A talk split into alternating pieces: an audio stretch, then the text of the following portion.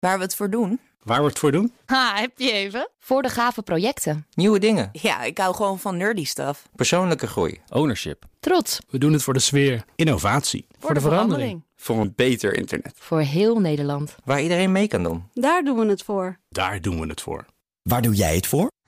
Kom werken voor KPN en groei op jouw manier. Check de actuele vacatures op het gebied van data, security, development en networking op jobs.kpn.com/tech. Ik ben Carlijn Meinders. Dit is Wetenschap vanavond. Fotosynthese is miljoenen jaren lang geëvolueerd om water, koolstofdioxide en zonlicht om te zetten naar plantenbiomassa en het eten dat wij eten. Het proces is alleen niet bepaald efficiënt.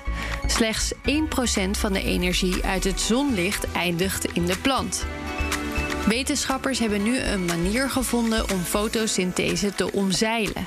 Ze gebruikten elektrochemie om elektriciteit, koolstofdioxide en water om te zetten in acetaat, het hoofdingrediënt van azijn.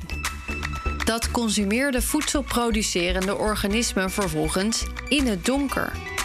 Algen, gist en de basis voor champignons konden zo prima ontstaan.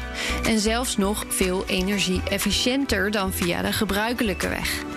Tomaten, rijst, ertjes, ook die planten lukte het om koolstof uit acetaat te halen in het donker.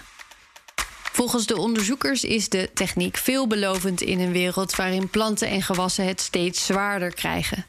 Maar ook voor de eerste pogingen om ze te laten groeien op bijvoorbeeld Mars.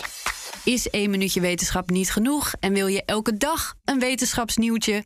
Abonneer je dan op Wetenschap vandaag.